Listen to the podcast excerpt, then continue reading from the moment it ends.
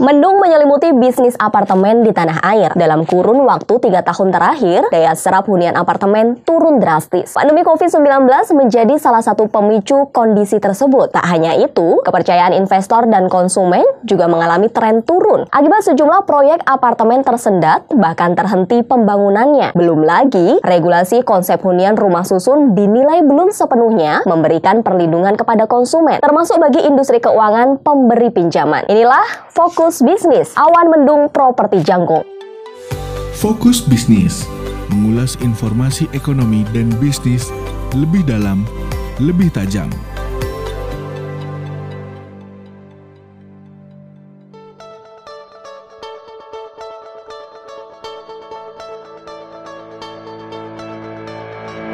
Dan langsung saja kita akan membahasnya bersama dengan Mas Galih Kurniawan selaku redaktur pelaksana bisnis. Apa kabar Mas? Baik, Alhamdulillah sehat. Kabar Mas Galih baik, namun ada kabar yang kurang mengenakan nih Mas dari industri properti. Dari data yang didapatkan bahwa ada sejumlah developer yang memilih untuk menunda pembangunan properti pasca COVID-19 dan juga sejumlah uh, apartemen ini juga dikeluhkan adanya permintaan yang kian menurun. Bagaimana temuan dari bisnis sendiri? Ya, uh, sebenarnya kami ingin mengulas situasi yang sebenarnya sudah lama ya terjadi bahwa permintaan itu memang turun sudah berapa tahun terakhir mungkin tiga tahun terakhir juga semakin terlihat penurunannya. Cuman memang kemarin memang ada pemantik ya ketika uh, ya mungkin kita sebut kasusnya Meikarta yang kemudian mencuat lagi sehingga memang uh, bisnis Indonesia berupaya untuk menampilkan atau mengulas sebenarnya situasi di industri properti khususnya untuk apartemen ini seperti apa dan beberapa hal yang kami temukan ternyata memang data menunjukkan ada penurunan gitu. Kita memang tentu tidak bisa lepas dari eh, situasi perekonomian ya bahwa dunia sekarang kita tahulah bahwa ketidakpastian ini eh, semakin tinggi gitu ya, semakin semakin besar sehingga membuat orang barangkali juga eh, lebih berhati-hati sebelum melakukan investasi ya, karena kan apartemen itu biasanya uh, ini khusus apartemen biasanya ada dua dua dua tipe kan ya. Yang satu ingin ditinggali, yang satu ingin uh, buat investasi. investasi. Nah itu mungkin uh, mereka yang investasi coba untuk menahan diri dulu melihat situasi sehingga barangkali uh, apa namanya permintaan kemudian menurun. Berbicara lagi soal industri properti ini, 19% perputaran kredit di perbankan Indonesia ini bahkan mengalir ke industri properti. Namun dengan adanya uh, gejolak di industri properti sendiri, perbankan juga akhirnya memilih untuk kemudian menarik sedikit menarik diri gitu kan. Ini bagaimana Mas? Ya.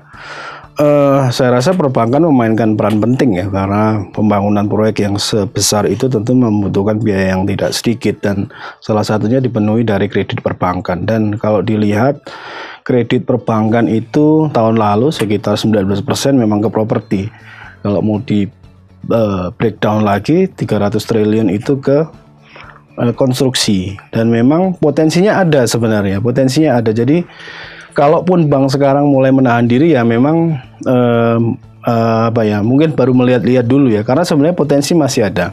Data terbaru dari Bank Indonesia menunjukkan kalau permintaan KPR dan KPA uh, itu sebenarnya meningkat.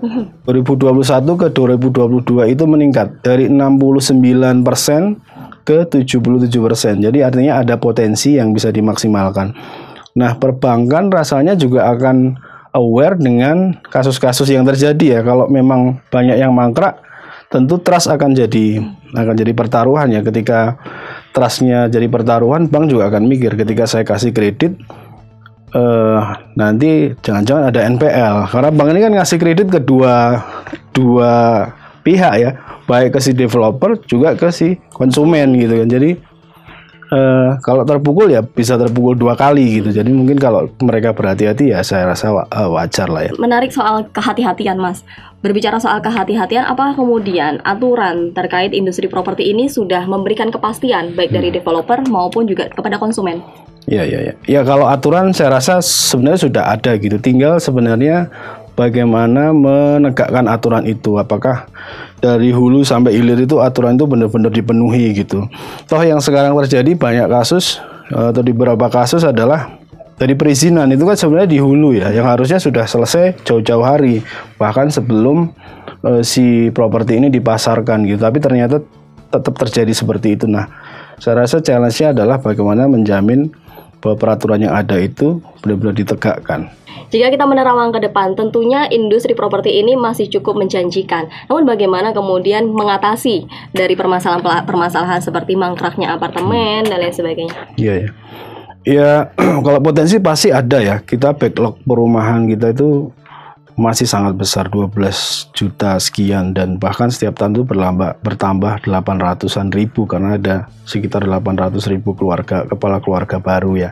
Artinya memang ada potensi yang besar sehingga saya yakin eh, developer juga akan mengoptimalkannya gitu. Cuman ya kalau kemudian kita eh, apa namanya belajar dari pengalaman ya e, mestinya aturannya yang ditegakkan gitu. Bahwa sebenarnya ini kan kasuistik ya. Bahwa kemudian dia mangkrak itu mungkin ada persoalan internal mereka. Tidak tidak serta merta ini semua dari industri seperti itu. ya. iya gitu. Memang harus diakui ada dampak dari pandemi ya. Tapi saya rasa e, situasi internal dari perusahaan atau developer ini juga akan sangat menentukan gitu. Jadi mungkin jadi pelajaran juga ketika konsumen mau mencari eh, apa namanya properti, properti khususnya apartemen ya dalam hal ini ya dilihat juga backgroundnya pengembangnya ini sebenarnya track recordnya bagus nggak sih?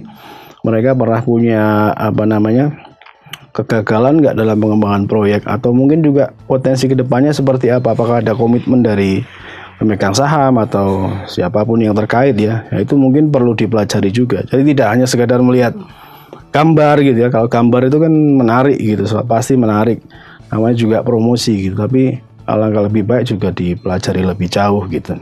Lagi-lagi, investasi di bidang properti ini kan resikonya sangat tinggi. Tentu bagi konsumen maupun developer juga turut berhati-hati hmm. untuk kemudian mengembangkan dari industri properti sendiri. Terima ya, kasih, Mas ya, Gali. Sama-sama, terima kasih kembali. Kita berharap pemerintah dan pihak terkait dapat memulihkan kondisi dan menawarkan solusi terkait industri properti ini. Ulasan kami ini terbit di Harian Bisnis Indonesia setiap hari Senin yang mengulas suatu isu bisnis ekonomi secara mendalam. Sobat bisnis jangan lupa berlangganan e-papernya.